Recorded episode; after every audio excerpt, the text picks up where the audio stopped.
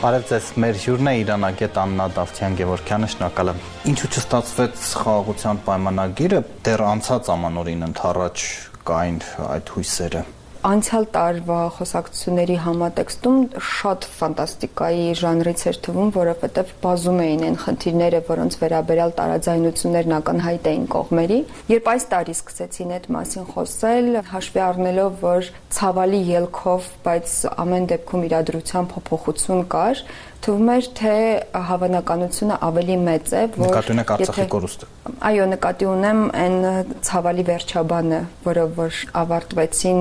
մեր ջանքերը ինչ որ բան փոխելու ստատուս քվոյի համատեքստում 20 թվականից հետո նկատի ունեմ հատկապես։ Երբ այս տարի էին խոսում այդ մասին, նորից ակնհայտ էր, որ անգամ եթե խոսեն 10% մնացած տարաձայնությունների մասին, ինչպես ընդունված է ասել, եթե ամեն ինչ համաձայնեցված չէ, կարելի է համարել, որ ոչինչ համաձայնեցված չէ, բայց վերջին շրջանում իսկապես խոսակցությունները շատ ակտիվացել են հնարավորության մասին խաղաղության պայմանագիրը ստորագրելու եւ պիտի հույս ունենանք, որ պայմանագիրը կլինի առաջին քայլը դեպի իրական խաղաղություն եւ ոչ վերջնական, այսպես ասած, փուլը դրա։ Բայց արդյոք փորձը ցույց չի տալիս, որ Ադրբեջանն անընդհատ ավելին է ուզելու Արցախից հետո անկլավներն են օրակարգ մտնում, Միջանցքը, հետո կասի Արևմտյան Ադրբեջանը եւ այդ արկելակը չկա կարծես։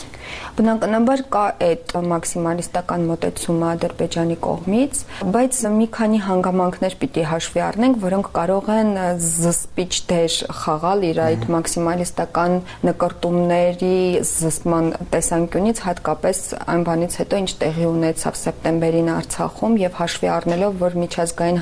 հանրությունը ինքն էլ որոշակի պատասխանատվություն ունի այն խնդրի հետ կապված, որ այն բոլոր կարմիր գծերը, որ սահմանել էր եւ խոսում էր այն մասին, որ թույլ չի տա, որ այդ գծերը հատվեն, այդ գծերը հատվել են, հետեւաբար այս փուլում արդեն պիտի որ ավելի շատ ջանք ներդրվի, որպիսի հարաճուն ախորժակը փոքրինչ զսպեն Ադրբեջանի։ Մյուս կողմից պետք է հաշվի առնել նաև, որ ինչքան էլ որ մեզ համար Հայաստանից դիտելիս մեզ համար մեր խնդիրների տեսանկյունից դրանք նույնական լինեն պահանջները Ադրբեջանի, բայց միջազգային իրավական դիտանկյունից ամեն դեպքում Արցախի հանդեպ հավակնությունները եւ Հայաստանի տարածքի հանդեպ հավակնությունները եւ այդ հավակնություններին հասնելու ռազմական ճանապարհը որպես գործիք ընտրել է, ամեն դեպքում տարբեր հարթության մեջ են դիտարկվում եւ հաշվի առնելով, որ գրեթե բոլոր դերակատարները խոսում են այն մասին, որ այս փուլում իրենց համար կարևոր է կայունությունը տարածաշրջանում, գուցե արժի մի փոքր ավելի շատ հույս ունենալ, որ կարող ենք հասնել դրան։ Դրա համար է Ադրբեջանը խուսափում միջնորդներից եւ երկկողմ բանակցությունների հրավիրում Երևանին։ Միջնորդներից խուսափելու այդ մարտավարությունը Ադրբեջանը որթեգրեց այն պահից սկսած, երբ արևմուտքին եւ արևմտյան հարթակը պիտակավորեց որպես ոչ անաչառ համարելով, որ Հայաստանի առաջ քաշած այդ պահանջներին շատ ավելի ջատագովում են, այսպես ասած, արևմտյան երկրները եւ հիմա իսկապես փորձում է երկկողմ, որպիսի լինեն բանակցությունները, որպիսի բացառի նաեւ այդ երաշխավոր կոչված ինստիտուտի ներդրումը պայմանագրի կնքման համատեքստում, բայց այստեղ որքան էլ դա մեզ համար կարևոր լինի եւ իսկապես շատ դժվար է այս փուլում այդ փողվստահության բավարար մակարդակը ունենալ, որpիսի մենք երկկողմ ինչ որ համաձայնության հանդեպ ունենանք վստահություն, որ նրա իրագործման փուլում նույնպես խնդիրներ չենք ունենա, բայց մյուս կողմից Ախր նաև մենք հավաստիացումներ չունենք որևէ մի կողմից, միջազգային որևէ կառույցից կամ մեկ այլ որևէ երկրից, որ ինքը պատրաստական է այդ երաշխավորի դերը ստանձնելը։ Հետևաբար, այս խնդրի համատեքստում ստացվում է, որ մենք ելի հույսեր ունենք, որոնք այդքան էլ հիմնավոր չեն, եւ եթե շարունակենք պնդել, որ չէ, առանց երաշխավորի չենք ստորագրելու ոչինչ, գուցե մենք պարզապես չունենանք որևէ փաստաթուղթ, բայց նաև չունենանք հնարավորություն երաշխավորով փաստաթուղթ ունենալու։ Հետևաբար կարմիր գիծ պետք չէ քաշել, երբ Բայրամովն ասում է Միրզոյանին հանդիպենք սահմանին։ Ես կարծում եմ, որ ոչ։ Իհարկե շատ մեծ են ռիսկերը, բայց ես միշտ հակված եմ խնդիրներին անդրադառնալիս փորձել չմոռանալ նաև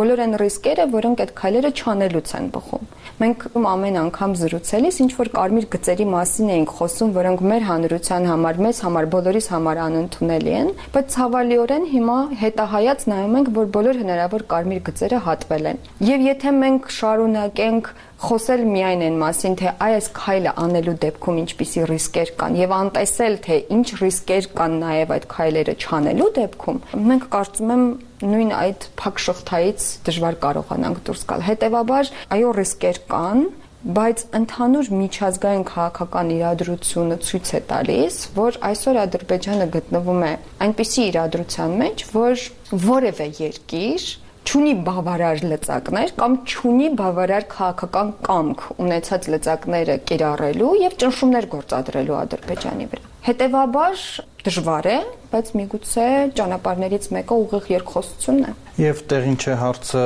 թե որ հարթակն է ավելի ձեռնտու ռուսական թե արևմտյան իսկապես այդ հարցը ժամանակավրեպ է արդեն եւ ավելին ասեմ, անգամ այն քննարկումները, թե Հայաստանն է ընտրել այս կամ այն հարթակում բանակցելու այսպես առավելությունները եւ նախընտրությունը, ես կարծում եմ մի փոքր ուրճացված են այդ վերլուծությունները, որովհետեւ եթե հետահայաց նայենք, ապա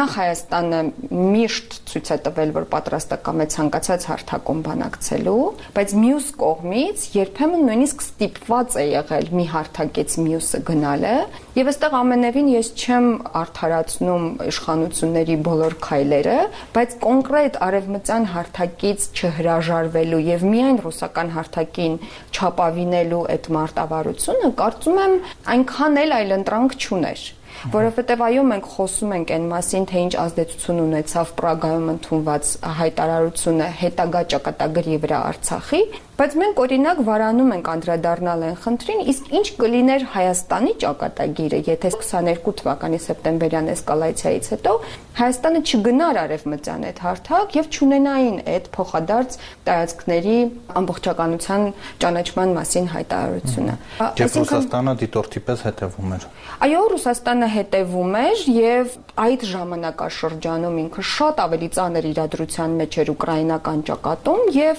Ադրբեջանի աջակցությունը իր համար շատ ավելի կարեւոր էր, թեև այդ կարեւորությունը ամենևին չի նվազել այս տարվա ընթացքում, բայց կոնկրետ անցյալ տարվա այդ ժամանակաշրջանում մենք գիտենք, որ հենց այդ փուլում էր նաեւ, որ Ռուսաստանի հատուկ ներկայացուցիչ Խովաևը իր համապատասխան ռուսական պլանով եկել էր եւ Երևան եւ Բաքու եւ Բաքվից մերժում էր ստացել։ Հետևաբար ասել, որ եթե մենք չգնայինք արևմտյան հարթակ, ռուսական հարթակում որևէ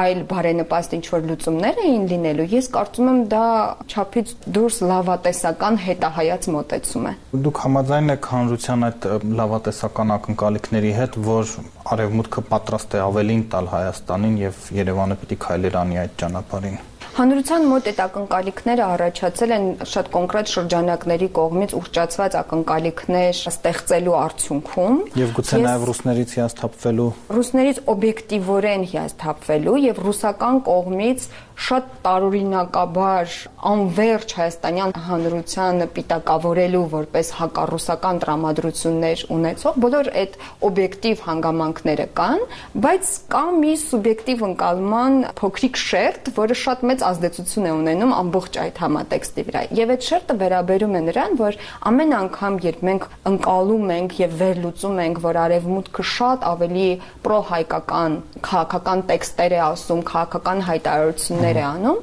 այդ հայտարարությունները պրոյեկտում ենք մեր պատկերացրած արտաքին քաղաքականության վրա։ Եթե ավելի պատկերավոր կամ մանրամասն ասեմ, արևմուտքի օգնությունը Հայաստանին չի նշանակում իրադրությունների փոփոխություն եւ իրադարձությունների, այսպես ասած, ռևերս եւ փոփոխություն նաեւ Ղարաբաղյան հարցի համատեքստում։ Իմ ընկալմամբ արևմուտքի այս պահին Հայաստանին աջակցությունը չափազանց կարեւոր է միջազգային իրավական հարթության մեջ մեր տարածքի ամբողջականությունը պահպանելու եւ այո Արցախահայերի կողմից իրենց իրավունքների բարձրաձայնման համատեքստում նաեւ, բայց դա ամենևին չի նշանակում, որ մենք կարողանալու ենք գնալ սեպտեմբերից առաջ ժամանակահատված կամ 20 թվականից առաջ ժամանակահատված եւ խոսել ինքնորոշման իրավունքի կամ Արցախահայերի Արցախ վերադառնալու այն ձևաչափի վերաբերյալ, որոնք որ մեզ համար ընդունելի կամ ցանկալի են։ Այսինքն բոլոր հնարավորությունները, որոնք արևմուտքը կարող է տալ Հայաստանին, պիտի ճիշտ եւ օբյեկտիվ գնահատենք։ Դրանք շատ կարեւոր են։ Հայաստանի Հանրապետության համար կա չիրացված ռեսուրս նույն ՍԵՊԱ պայմանագրի համատեքստում եւ այդ պայմանագրի կիրարկման իրագործման դեպքում մենք եւ ինստիտուցիոնալ բարեփոխումների եւ ավելի տնտեսական առումով ավելի սերտ հարաբերություններ ունենալու արևմուտքի հետ կարևոր պոտենցիալ ունենք, բայց այս բոլորը չպիտի պրոյեկտենք նաեւ մեր այլ քաղաքական նպատակների վրա եւ նաեւ ազգային իղձերի այսպես իրագործման գործիք դիտենք արևմտյան հնարավորությունները։ Այդ թվում եւ օրինակ հապկից դուրս գալու միջոցով դա անել։ Հապկից դուրս գալու վերաբերյալ այդ քննարկումները ավելի ինտենսիվացան 22 թվականի այդ էսկալացիայից հետո, բայց որքանով որ ես եմ ընկալում, որևէ արևմտյան երկիր կամ կառույց այս պահին Հայաստանի առաջ նման պահանջ կամ ակնկալիք չի դնում, ինչու, որովհետև բոլոր այն հնարավորությունները օբյեկտիվ, որոնց մասին հիշատակեցինք, արևմուտքից ակնկալվող, դեռևս չեն ներառում անվտանգության այնպիսի երաշխիքներ, որոնք հնարավորություն կտան խոսելու անհրաժեշտության մասին դուրս գալու հավաքական անվտանգության պայմանագրի կազմակերպությունից։ Ես չեմ կարծում, որ դա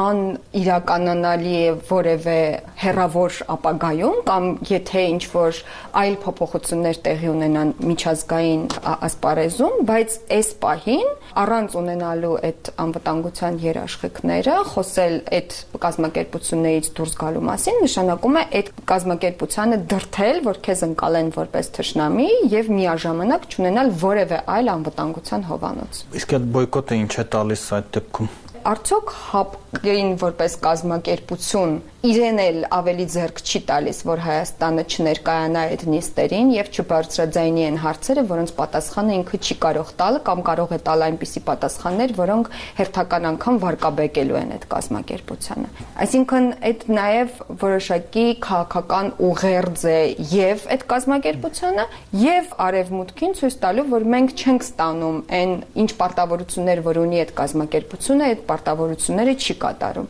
Բոյկոտը ավելի շատ այս քաղաքական հարթության մեջ է, բայց հարցերը շարունակում են մնալ չպատասխանված, որովհետև իսկ չմասնակցելուց հետո, երբ գալիս է պատվիրակություն եւ խոսում են մասին, թե ինչ որոշումներ են ընդունվել եւ առաջարկում են Հայաստանին միանալ չմնալ, այդ այդ հարցում ինչպես է վարվելու Հայաստանը եւ ինչքան մանևրելու տեղ ունի եւ դաշտը հնարավորություն է տալիս։ Դուք ասացիք, որ Արցախահայերի ինքնորոշման իրավունքը ըստ էության այլևս կորսված է, բայց տեսեք, ելի նրանք խոսում են գոնե ինքնավարության մասին, որը իդեպ Ադրբեջանի համանadrությունը նախատեսում է եւ գուցե օրինակը լավը չէ, բայց Նախիջևանի հետ են զուգահեռներ տանում։ Գիտեք, ես չեմ բացառում որևէ զարգացում, բայց Ադրբեջանի համանadrության համատեքստում եւ մենք լսում ենք այն կողմից, որ այդ վերադարձի հետ կապված իրենք ասում են այլ բան է, թե դա ինչ է նշանակում իրականում եւ բովանդակային առումով, բայց հանրային հայտարարություններն են մասին են, որ նրանք ամենևին դեմ չեն, որ Արցախահայերը վերադառնան, բայց պայմանով, որ ստանալու են Ադրբեջանի քաղաքացիություն եւ քաղաքացի դառնալուց հետո օգտվելու են բոլոր այն հնարավորություններից, որ իրենց սահմանադրությունը ընձեռում է իրենց քաղաքացիներին։ Այո, այդ սահմանադրությունը իրենց քաղաքացիներին ընձեռում է նաև ինքնավարության համար որոշակի քայլեր անելու հնարավորություն։ Բայց երբ մենք այդ միջանկյալ օղակը բաց ենք թողնում եւ միանգամից խոսում ենք ինքնորոշման իրավունքի հնարավորության մասին, հանրության մոտ եւ հատկապես Արցախահայերի, որոնք որ բնականաբար հիմա այդ ստրեսային իրավիճակից հետո շատ ավելի զգայուն են մոտեն մոտենում այդ հարցին, ստացվում է մի ընկալում, որ դա կարող է լինել Ադրբեջանից դուրս ինքնորոշման իրավունք, որը կարծում եմ հերթական անգամ այսպես հիասթափեցնելու ճանապարհ է։ Այնինչ այդ ինքնավարությանը հասնելու համար նրանք օրինակ պետք է ծառայեն ադրբեջանական բանակում որպես ադրբեջանի քաղաքացիներ այդ բոլորը հաշվի առնելով է, որ ասում եմ, որ քիչ հավանական եմ համարում, եթե չասեմ, որ գրեթե անհավանական, մենք ունենք 100 հազարից ավելի արցախահայերի համայնք, որոնք իրենք պիտի որոշեն, թե ինչն է իրենց համար ընդունելի, իսկ ինչը ոչ,